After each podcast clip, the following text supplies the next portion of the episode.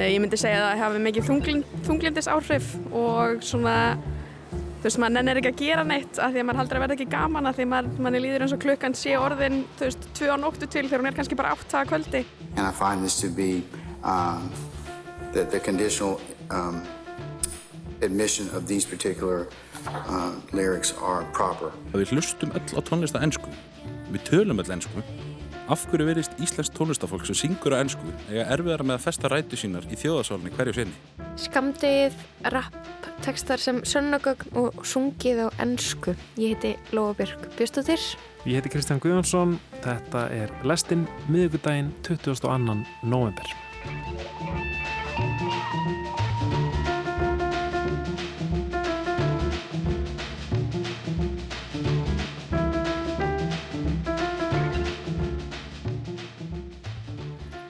Kristján, ég var að koma úr smárlundinni Mm og uh, til þess að lækna skamdegis þunglundi mitt og allra hérna á skrifstofunni þá fæst ég að kaupa svona reyndraspöng og þarna, en hún svona það er svona hljóðinni Það er svona bjöllur á henni. Já, svona bjöllur á henni Mhm. og þetta er svona til þess að vera sætt reyndir uh, það hefur eiginlega enginn glaðst yfir þessu. Þetta var, þetta var ekki nóg til þess að glæða fólk en uh, komaðum upp úr skamdegistunglundinu en já, Sko veðrið er bara svo hryllilegt að það er einhvern veginn, það er ekkert sem getur lagað þetta. það er einhvern veginn það er einhvern veginn eins og ég held að margir íslendingar upplöðu þetta líka eins og þetta sé eitthvað svona persónlega árás gegn okkur, eitthvað refsing eða eitthvað. Þetta er svona, já, ef maður tekur þessu einhvern veginn mjög persónlega þegar maður fer út og vindurinn lemur mann, ég veit ekki okkur en já, ég fór allavega já, fór allavega í, í smáralundina uh, fyrir í dag til þess að taka púlsinn á, á gestum og gangandi og reyna, reyna að koma staði hvort að svona þjóðin væri byrjað að finna fyrir Mhm. skamdeginu Svona þjóðarpúlslóu var þjóðar- þetta skamdegist þunglindi.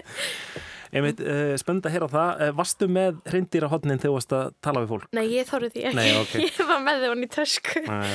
Heyrðu, við ætlum uh, líka að um, ræða um, um rappteksta og, og lögfræði. Ég er búin að vera að sökka mér ofan í um, það hvernig rapptekstar eru notaðir í dómsölum bæði í Breitlandi og Bandaríkjónum. Uh, velti þessu aðeins fyrir mér um, í pisli sem að ég flytti hérna eftir bara skammar, örfáar mínútur. Það verður með meiri tónlist í þettinum uh, Sævar Andri Sigursson hann uh, er að velta verið sér uh, íslenskum tónlistamannum sem syngja á ennsku, hvort það hafi ykkur áhrif á vinsaldrir á íslensku Mhm. um, áhugaður og pælingar skoða laufi linn í því samengi Nákvæmlega.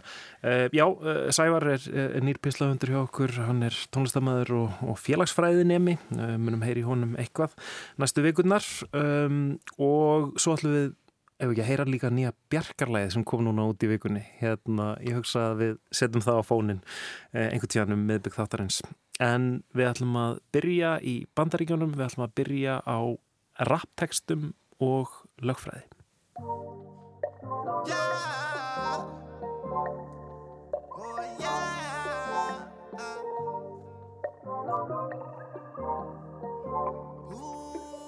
Í Dómsal í Atlanta borg í Georgiuríki Bandaríkjana er nú réttað yfir einum þekktasta rappara heims. 32 ára Grammy-velunahafanum og Íslandsvinninum Young Thug.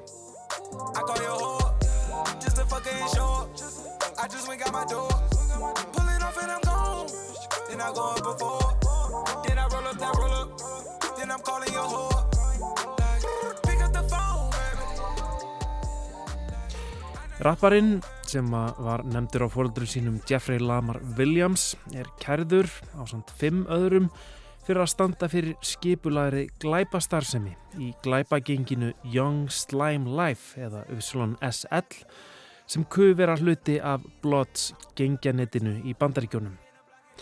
Rapparinn á að hafa notað metsölu tónlitt sína, útgáfi fyrirtæki og samfélagsmiðla til að auglýsa gengið sem er svo aftur sakað um ótal glæpi meðal annars þjófnaði, ofbeldi, skotarossir og morð. Saksóknari í málinu hefur lagt fram ímiskonar sönnunagögn máli sínu til stuðnings en það hefur vakið sérstaka aðtigli að hann hefur beðið um að fá að nota textabrott úr 17 útgefnum lögum Young Thug sem sagðir eru tengjast glæpum sem rapparinn og félagar hans eru sagaður um. Þetta er ekki spurning um rappteksta, heldur um hjáttningu á aðilda gengi og það vil svo til að þessi hjáttning kemur í formi rappteksta, segir saksóknarinn. Verjendur hafa hins vegar haldið í fram að tekstarnir séu stjórnarskrár varin tjáning, listsköpun sem ekki eiga að taka bókstarlega og það sé hægt við því að nótkun þeirra í domsalnum myndi byggja á og íta undir fordóma. I am nigga life is a dream.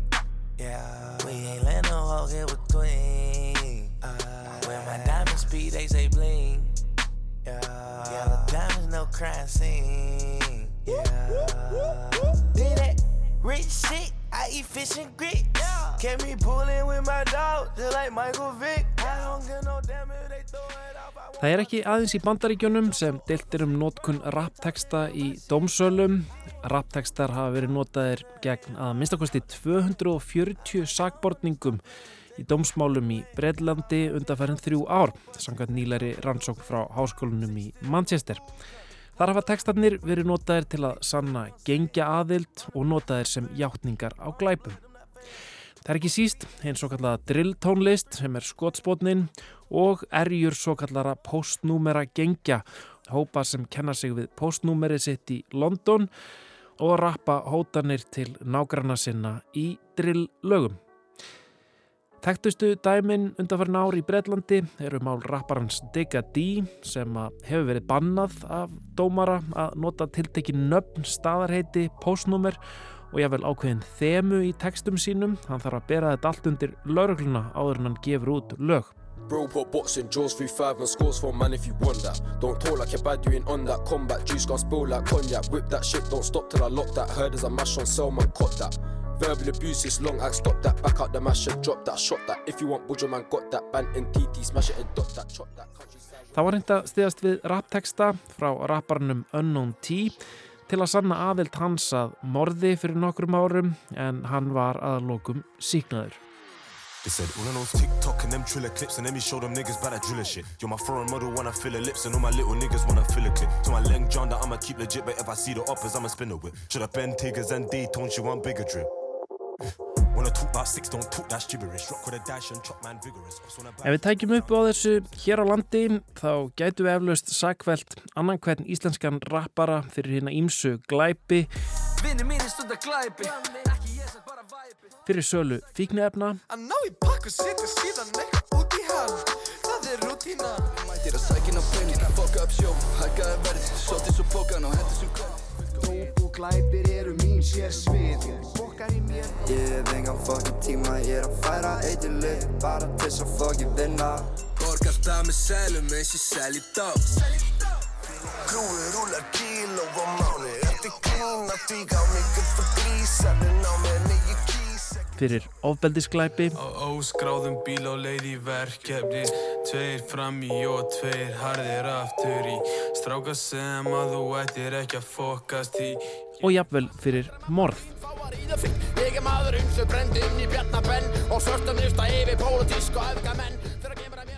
Þetta er flókið mál. Rappið var snemma kallað fréttastofa svörtu fátækra hverfana í bandaríkjónum. Tekstarnir voru sagðir lýsa veruleika sem restin af Ameríku vildi ekki sjá, reynsluheimi og viðhorum hinna undirókuðu. En rappið hefur samt aldrei bara verið raunsæislegt. Það hefur alltaf blandað saman raunveruleika og skáldskap. Rappið er einhvers konar leikur, leikur sem sprettur vissulega úr hörðum heimi fátaktar og mismunar. Að takast á með orðum, að batla hefur alltaf verið hluti af menningunni, rappmenningunni.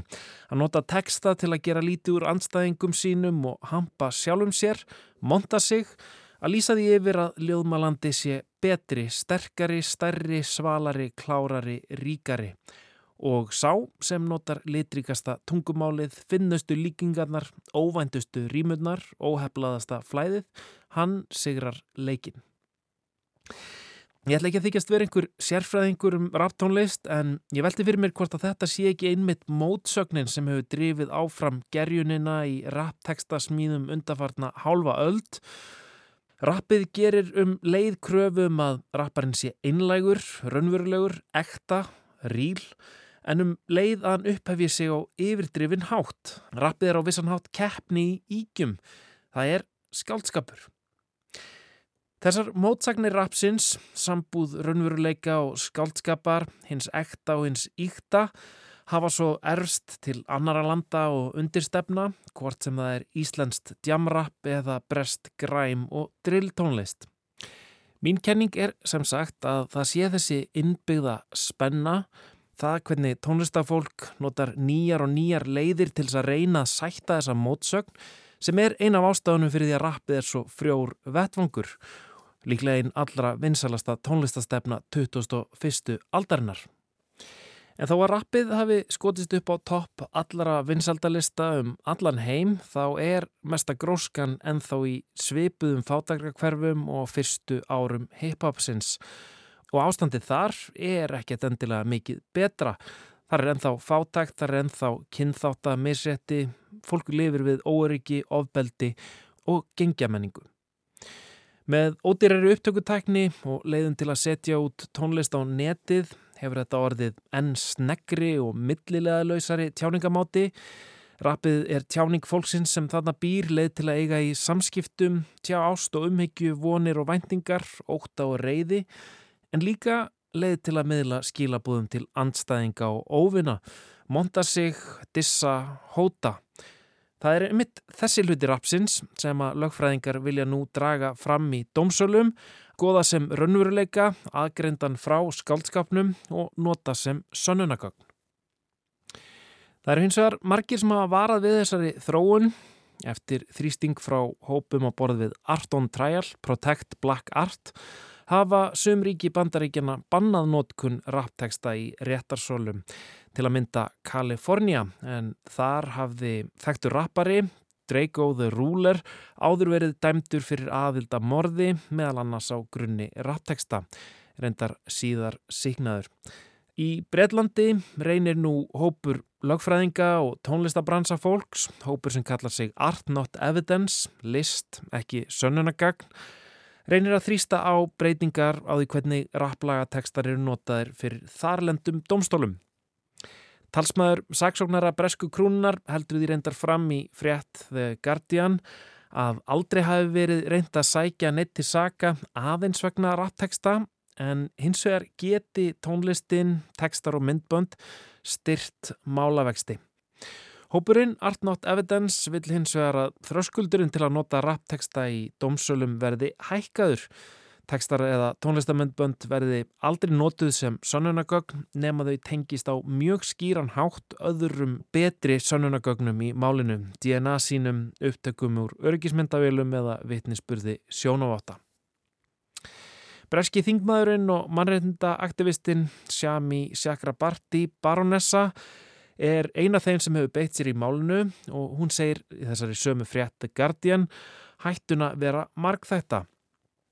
Þannig sé ég í fyrsta lagi verið að gera mannesku tortryggilega vegna þeirra listar og menningar sem hún fílar eða skapar. Þannig séu innbyggðir fordómar og kynþáttahyggja. Við getum alveg ímynda okkur það að það að spila rapplag og myndband, ali á óta kviðdómenda og fordómum gagvart ákunnum þjóðfélagshóp og þeirri fagufræði sem hann aðhyllist. Hópur ungra svartra stráka með lambúsettur í dimmu húsasundi, syngjandi um ofbeldi, gæti virkað sem sönnunagagn fyrir einhverja en fyrir aðra er það einfallega uppreysna gjörn og augrandi tíska. Já og í þriðalagi sé það svo varhugavert að lögreglumenn takja að sér hlutverk sem greinendur listaverka reyna að gerast sérfræðingar á sviði rapteksta. Í áðunendri grein The Guardianum málið er haft eftir Abina Ousu Bemba, professor í afbrótafræði við London School of Economics, að það séu dæmi um að tekstar sem hafa verið samtir mánuðum fyrir meintan glæp séu notaðir sem sönnagögn fyrir breskum domstólum og rappteksta sérfræðingar lauruglunar miskili jável einfalda orðanótkun til að mynda orðið ting sem að getur þýtt hvers konar hlut á breskri ensku. En hún segir dæmi um að í samengi þar sem orðið gæti þýtt sætt stelpa hafi það verið tólkað sem bissa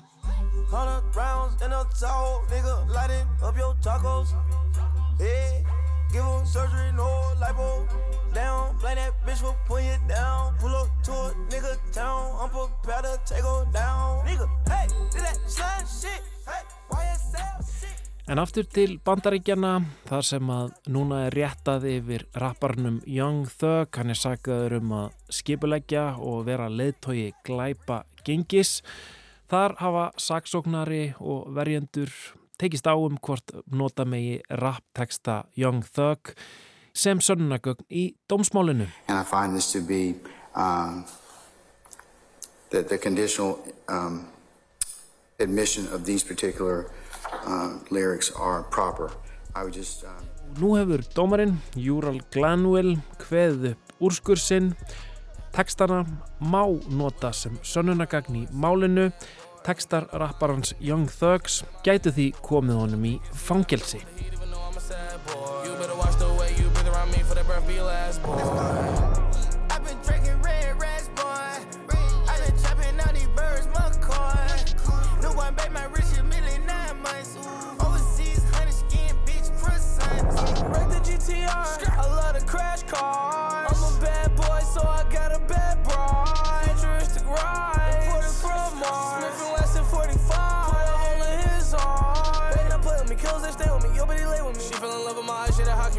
Kick it, I'm not on the soccer team. You won't make it, it's part of my prophecy. Rap Simmons, match my prodigy. I'ma do the dash, get to the bag, ain't no one as bad as me. Will Smith and Martin Lawrence, I'm a bad boy. When he got off my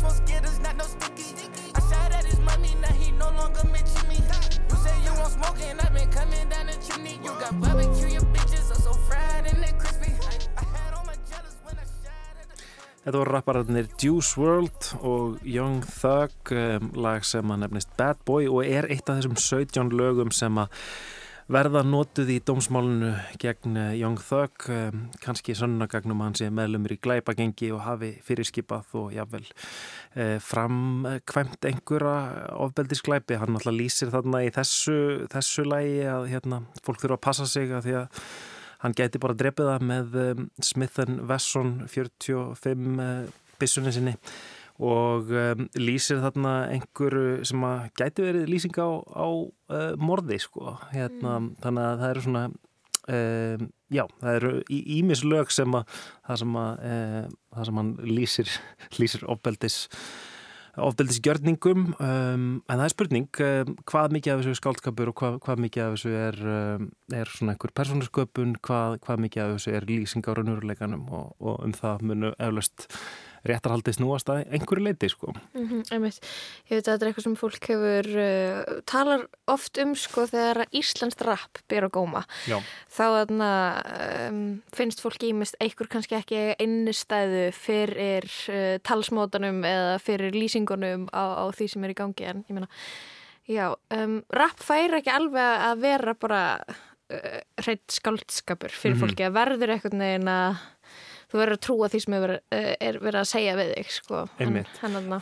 Já, einmitt. eins og ég nefndi þá, þá finnst mér þetta, þetta vera eitthvað svona eitt af því kannski svona áhugaverð spenna sem er innbyggð bara einhvern veginn í rappteksta smér það er einhvern veginn þessi krafa um að hlutir séu ekta, raunverulegir eh, en á sama tíma þá, þá eru þetta verið að skálda og, og það er líka krafa um það að íkja og, hérna, og dissa og monta sig og, og, og svona Mhm. En svo líka er stundum þarna, fólk ákveður oft sko, eins og í sambandi við Íslandsdrapp bara þessi er ekki, ekki svona en svo er það kannski en, Mhm. en fólk svona einhvern veginn gefur sér það einhvern veginn að þú ert íslenskur og þarna og ykkur ákveðin típa að þú hefur potið enga aðgóma haft af neinu þarna vafasömu Mhm. nokkuð tíman sko. Mhm. þannig að þetta er svona, já, þetta er áhugavert en e, varst, freistaðist þú ekki til þess að þarna, þýða nafni á Young Thug ungi glæpun eða eitthvað, það hlýtur að hafa kýtla smá Ungi- að ungi þýða bófi. ungi bófi, já, Já. ungi bófi frekar, ok Einmitt, Íslandsvinnurinn ungi, ungi bófi Mhm. en við ætlum að snúa okkur öðru við ætlum að fara í Smáralind Já, við getum orðað þannig að veðrið og myrkrið og já, setni hluti november hafi haft mjög mikil áhrif á næsta einslag. Skamdegis þunglindi er ástíðabundin andleg vanlíðan sem hefst þegar að daga tekur að stitta á haustin og líkur þegar að dagar lengjast á vorin.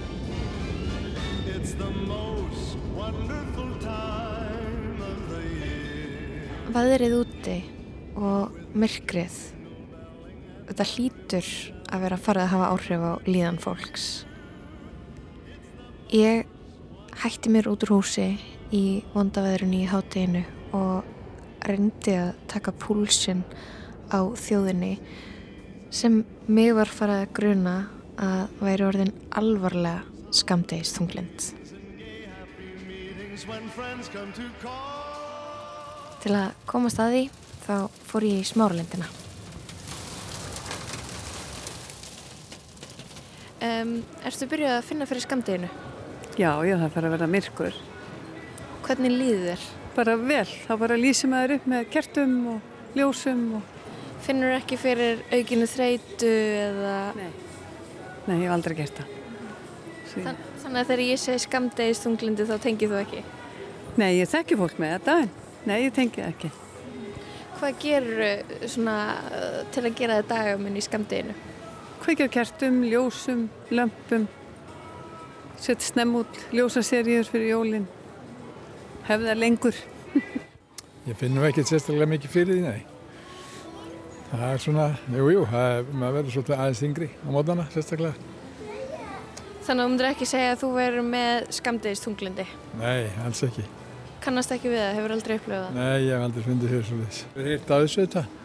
Ef þú segist verður aðeins þingra á mótnana, ertu þá, ertu lengi að fara fram úr? Það er bara latar á mótana.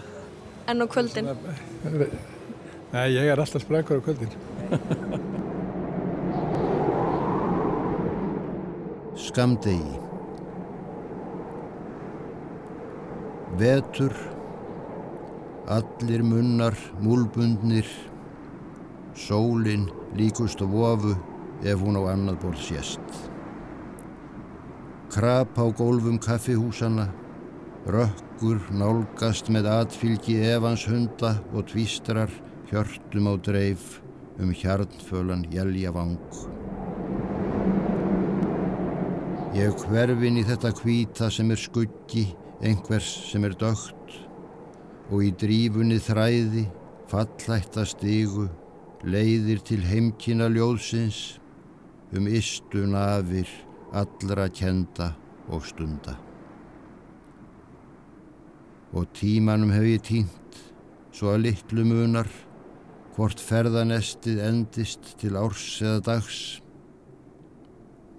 En fyrir ber að ég brosi í leiðslu og spyr hvar sólinn sé stödd. Já, svo er fyrir að þakka draumi sem vegminn stráir stundar kornum. Erstu byrjað að finna eitthvað fyrir skamdeginu? Um, nei, ekki mikið, þannilega séð. Það er að koma mjög hratt. Kanski þegar það er búið að vera í alveg svolítið tíma, en ekki svona þegar það er nýbyrjað. Ég, ég er ennþá með orkuð frá sömrunu. Hvernig lýsir það sér hjá þér? Um, lýsir það sér, bara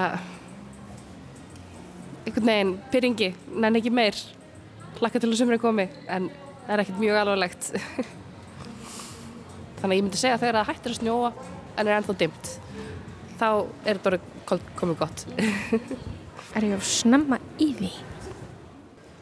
Erstu byrjað að finna fyrir skamdeginu? Smá. Það er mikil kuldi og hérna, uh, langi dagar sem að uh, verða erfiðari með, með kuldunum. Hefur um hann orðið þarna skamdegis þunglindur? Já, já. Bara svona sitt á hvað við og við. Um, erstu með eitthvað svona leiðir til þess að takast á við skamdegi eða eitthvað svona gerir til þess að láta það líða betur? Uh, bara líka sagt og bara gera það sér fyrir skemmtilegt. Hvort sem það er bara í vinninni, gera eitthvað skemmtilegt bara í, í hérna, frítónum í vinninni eða auðvitað vinnu.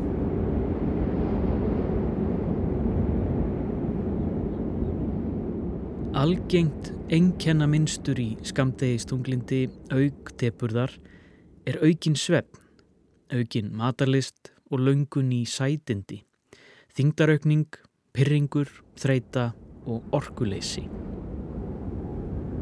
Til þess að greinast þá með þetta árstíðabundna þá þarf að, hérna, þá kemur mjög skýrt fram að þessi nýðursvipla hún er sagt, árstíður bundin við, hérna, vet, veturróndi við veturinn og þú finnur það bara greinilegt þegar að, þegar að þeirra að eh, skikja að þá hellist bara svona yfir líka, getur við líka verið kvíði og það getur magnast upp sko kvíðin og hérna og bara kvíði fyrir veturinnum og það er svo ræðilegt bara leiða það þegar maður er svona slíkar frásagnir leiða það hérna byrjar að aðeins að skikja bara á haustin bara eins og núna í september þá byrjar bara kvíðin og nú er að koma veturinn og það er svo ræðilegt og, og slíkar hugsanum náttúrulega það hefur náttúrulega marg það hjálpar ekki það hjálpar ekki. Nei. og hérna þegar við förum inn í svona neikvað neikvað hugsunamunstur það verður það mjög sko, sterk áhrif á, á líðan. Já Uh, ég sé ekki sólina, ég vinn í verslunarmiðstöð, það hefur engin áhrif.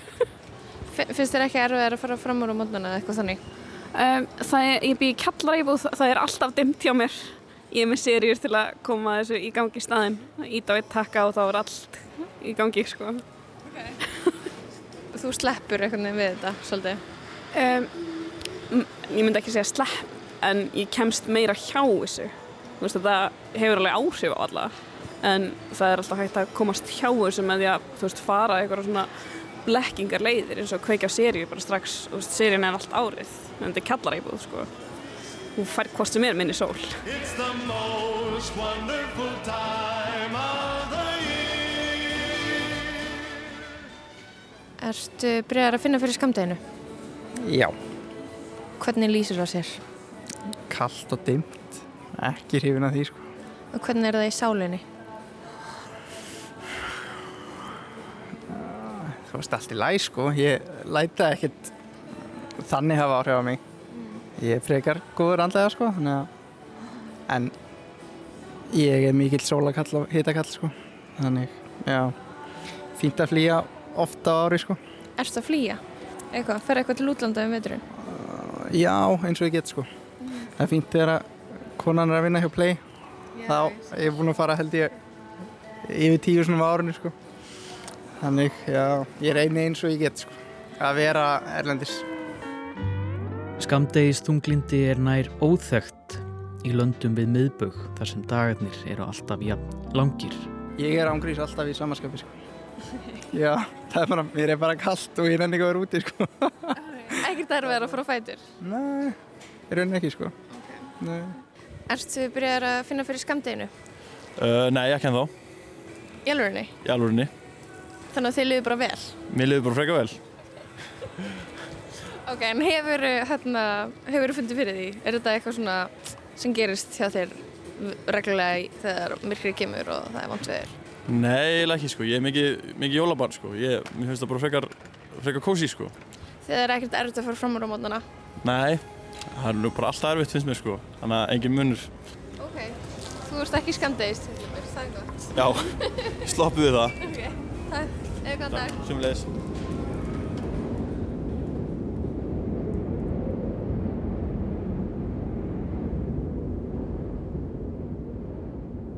Skamdegis þunglindi er þrálátt að því leiti að það endur tekur sig frá ári til árs og getur oft orðið mjög alvarlegt og hamlað eðlilegri virkni fólks. Finnum við flest fyrir breytingum á líðan eftir ástíðum? Það fyrirst verið eins og það sé nokkuð algengt að, eh, að ástíðarnar hafa áhrif og við hérna, það er náttúrulega mismunandi náttúrulega hvernig ást, ástíðarnar eru við ætlum að taka allan heiminn þá eru ástíðar eða munur ástíðunum mismunandi en við finnum svo sannlega fyrir mun ástíðunum hérna á Íslandi. Mögulega var það að fara að gera með skamdegis þunglinda hvað ég fann fáa sem voru skamdegis þunglindir í smárlindinni. En, en trúur á það, heldur að þetta sé svona uh, þetta myrkur og þetta vonda veður og kuldin að hann fari svona uh, leggist þungt á geðið hjá fólki. Ábyggilega getur hann gert það. Hmm, já, einhverjum. En þú verður ekki tekið eftir í kannski í kringum þig. Nei, ég hef ekki fyndið það svona hjá mínu nánustu. darkness, my old friend.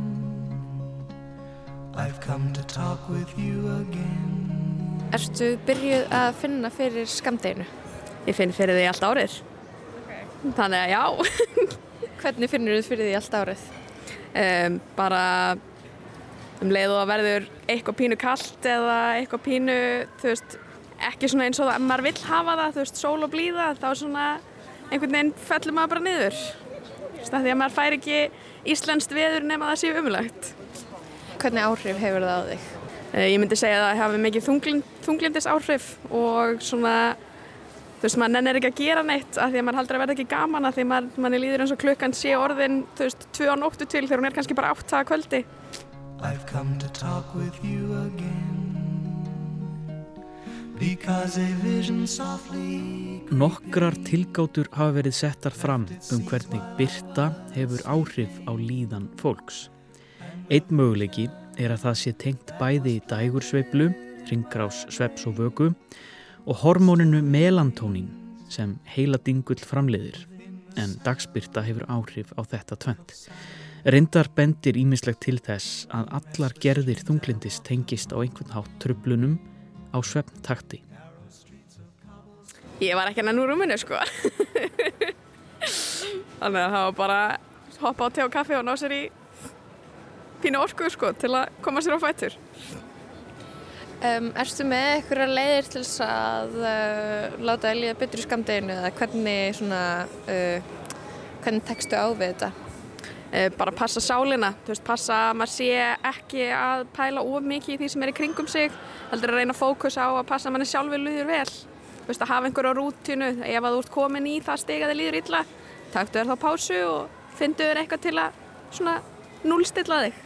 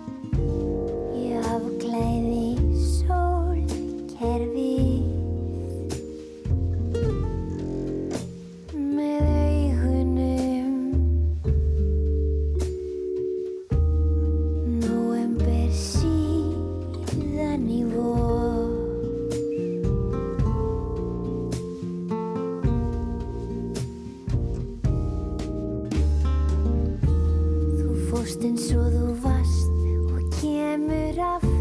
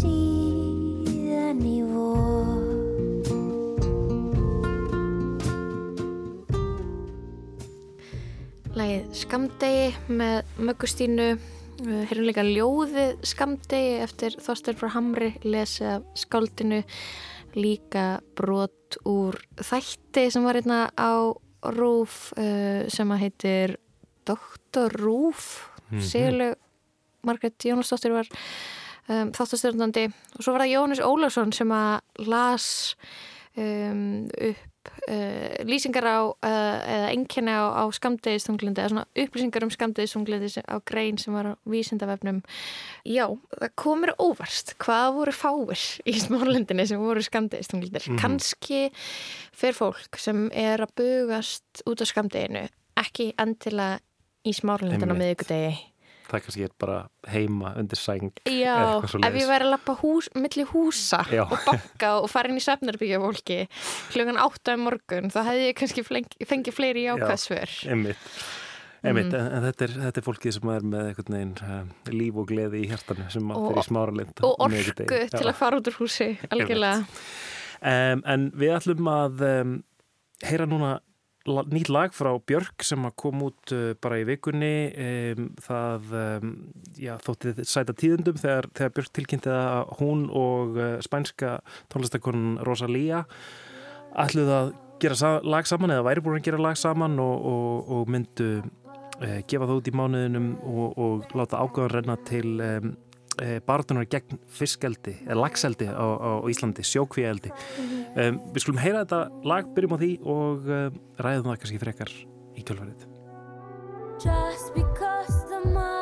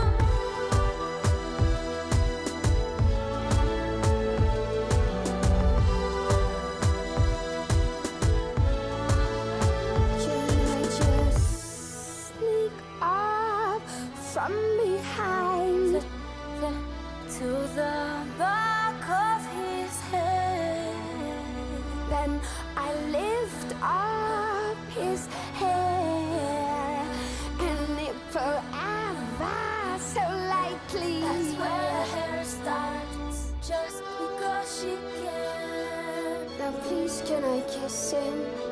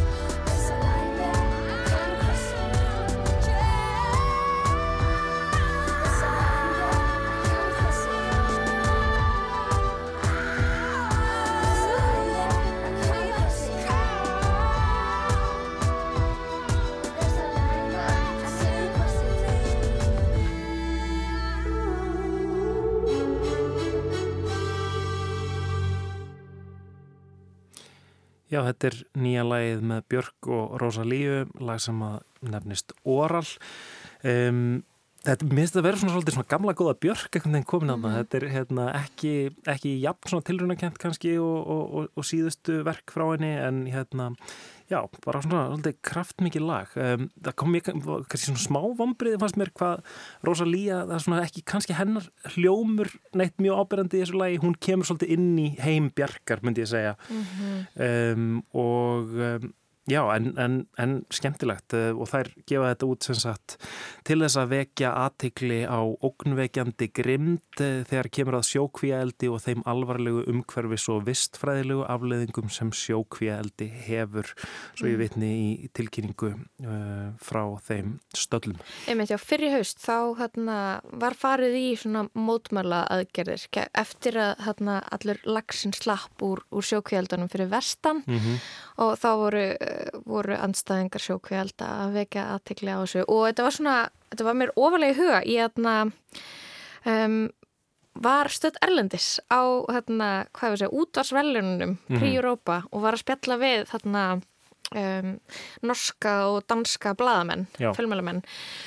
Og þarna uh, ég veit ekki hvernig við en ég hef örgulega byrjað að tala um hana, norska lagsin á Íslandi út af því að þá var hann einhvern veginn nýsloppin og, og vorum að sjá mikið af myndböndum og myndum í fjölmjölum af þessum um, lagsi sem er svona alveg skemmtur og rústaður í framann Já, líka mönnunum hérna í, í búningunum, búningunum. kavarabúningunum að, að, Mhm. að reyna að veiða lagsin í ánum. sem var einhvern veginn uh, það er örglega skrítnasta skrítnustu myndbund Já. það, það verður í skaupinu, ég Einmitt. ætla bara að segja hér Mhm.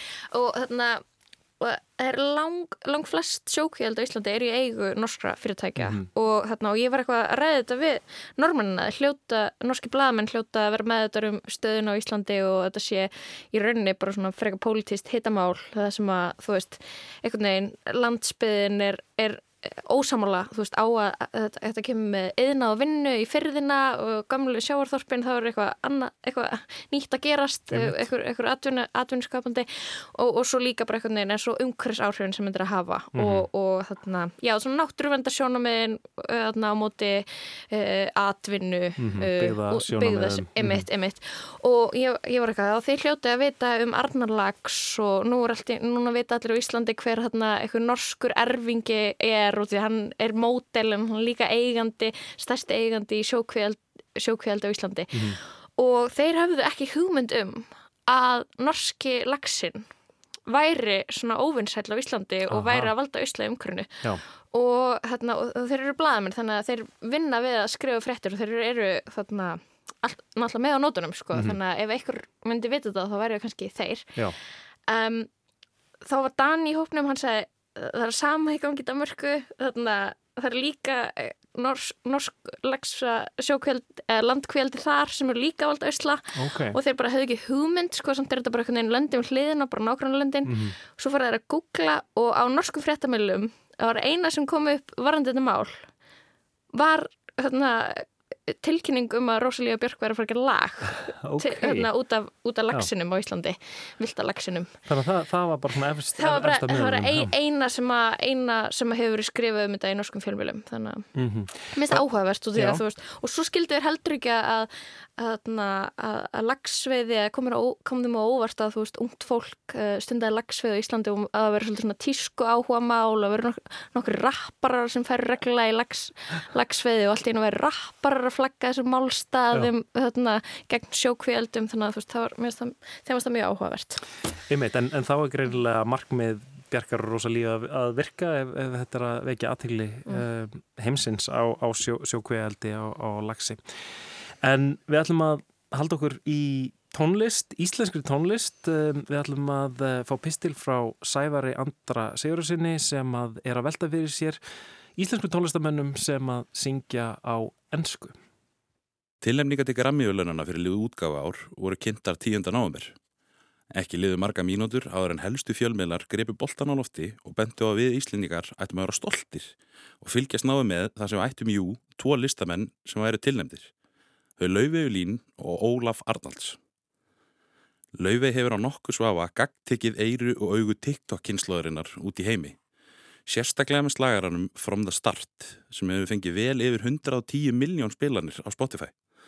Aftur á móti sagði hún í viðtali við Reykjavík Greipvæn um plötuna sína að Ísland skeri sig úr. Ólíkt aðdáðanda hópnum út í heimi sem samastendur að mestu af fólki um og undir þrítu er aldur íslensku aðdáðandana talsvert herri. Tilur hún líklegast að mikil útáspilun og tónleika með sinnfó getur verið ástæður þess. Don't you notice how I get quiet when there's no one awkward silence. Don't you dare look at me that way. I don't need reminders of how you don't feel the same. Oh, the burning pain listening to you. Verandi að nálgast færtugsaldurinn hraðar með hverju árinu finnst mér alls ekki vera að færa með alhafa um stöðu lauvegar meðal yngra fólks á Íslandi en fæst yngra fólk sem ég hef spurt út í lauvegu virðast fylgjast mikið með nýjustu útspilum hennar.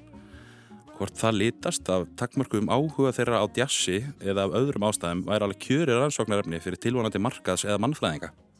Ég veldi því líka fyrir mér hvort þetta getur ráðist að tungumálunu sem sungið er á. Ef mér lefist að velta nokkur steinum þá hefur lengi blundað í mér forveitni um velgengni íslensk tónlistafólks á erlendri grundu og hér á landi eftir í hvort sungið er á íslensku. Þessar vangavelti mínar eiga rætu sínar reykja til áskistrausta. Árið 2012 var það ekki þverfótað fyrir einróma lofi í garð hans þegar fyrsta platan hans, Dýrð í dauðaþögn, rataði hendur almennings á Íslandi. Hún sló sölumett, seldist í yfir 40.000 eintökum, já, stemmir, eitt eintak á hverja tíu Íslandinga og eftirvæntingin var því mikil eftir næsta útspili.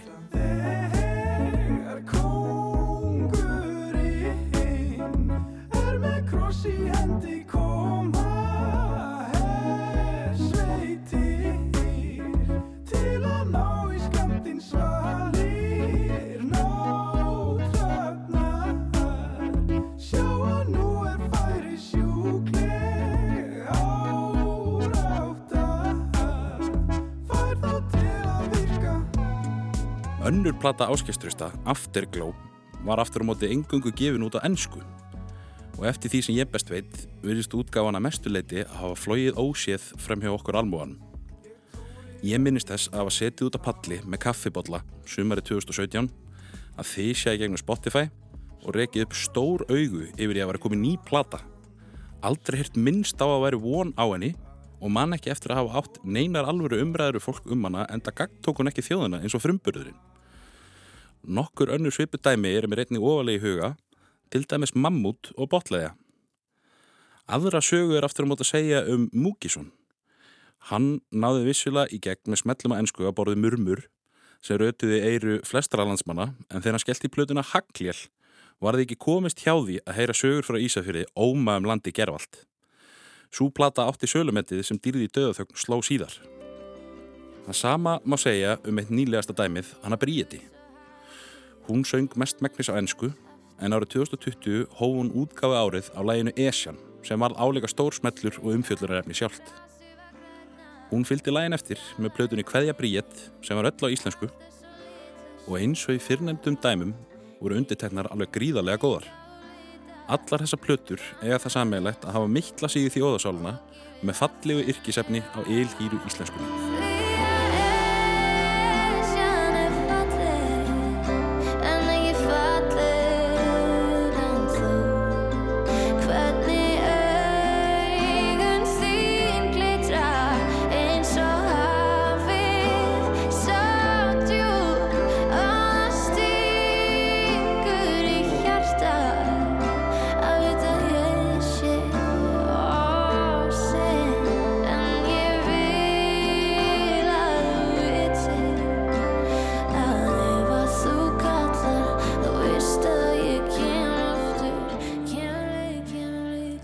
Þykir svo aðtöfvert við þetta er að við hlustum öll á tónlista ennsku. Við tölum öll ennsku. Af hverju verist íslensk tónlistafólk sem syngur á ennsku eiga erfiðara með að festa rætu sínar í þjóðasálunni hverju sinni? Ég er ekki að segja að engin dæmi séu til um slíkt. Björk hefur til að mynda nánast engungu sungið á ennsku frá því að Glingló kom út. En á sama tíma er Glingló ein af fimm söluhæstu íslensku plötum allra tíma. Það er spurning hvort það sé þessi persónulega tenging sem myndast þegar sungið er á íslensku. Það sem það er að mörguleiti auðveldar að tengja við texta á móðumáli sínu fremur en að öðru tungumáli. Hvort það sé eitthvað dýbri sálfræða baku það, til dæmis að tónlistafólk sé í raun að hleypa fólki nær sér með því að setja hugsanir sína fram á sameinlega móðumálu okkar sem engungu tæplega 400.000 manns hafa tök á. Það geti vel verið. Svo því sé haldið til haga þá er ég alls ekki að óska eftir því að laufvei möndli saman plötu á íslensku. Hún er væga sagt að gera stórkostlega hluti á ennsku en ég væri þó mjög svo til í að sjá hvað myndi gerast við það. Þetta málefni hefur líklegast leið aftarlega í einhverju skúfu neðst í skjálaskapnum í heilanum mínum og sprotti fram við þessa fréttir af tillefningunum eða mögulega í kjölfara nýleinum degi í íslenska tungu. Hvað er ég að reyna að sína fram á með þessum steinaveltingum mínum? Hvort ég geti fullirt að líkillina velgegni á íslensku tónlistamarkaði sé að semja á íslensku?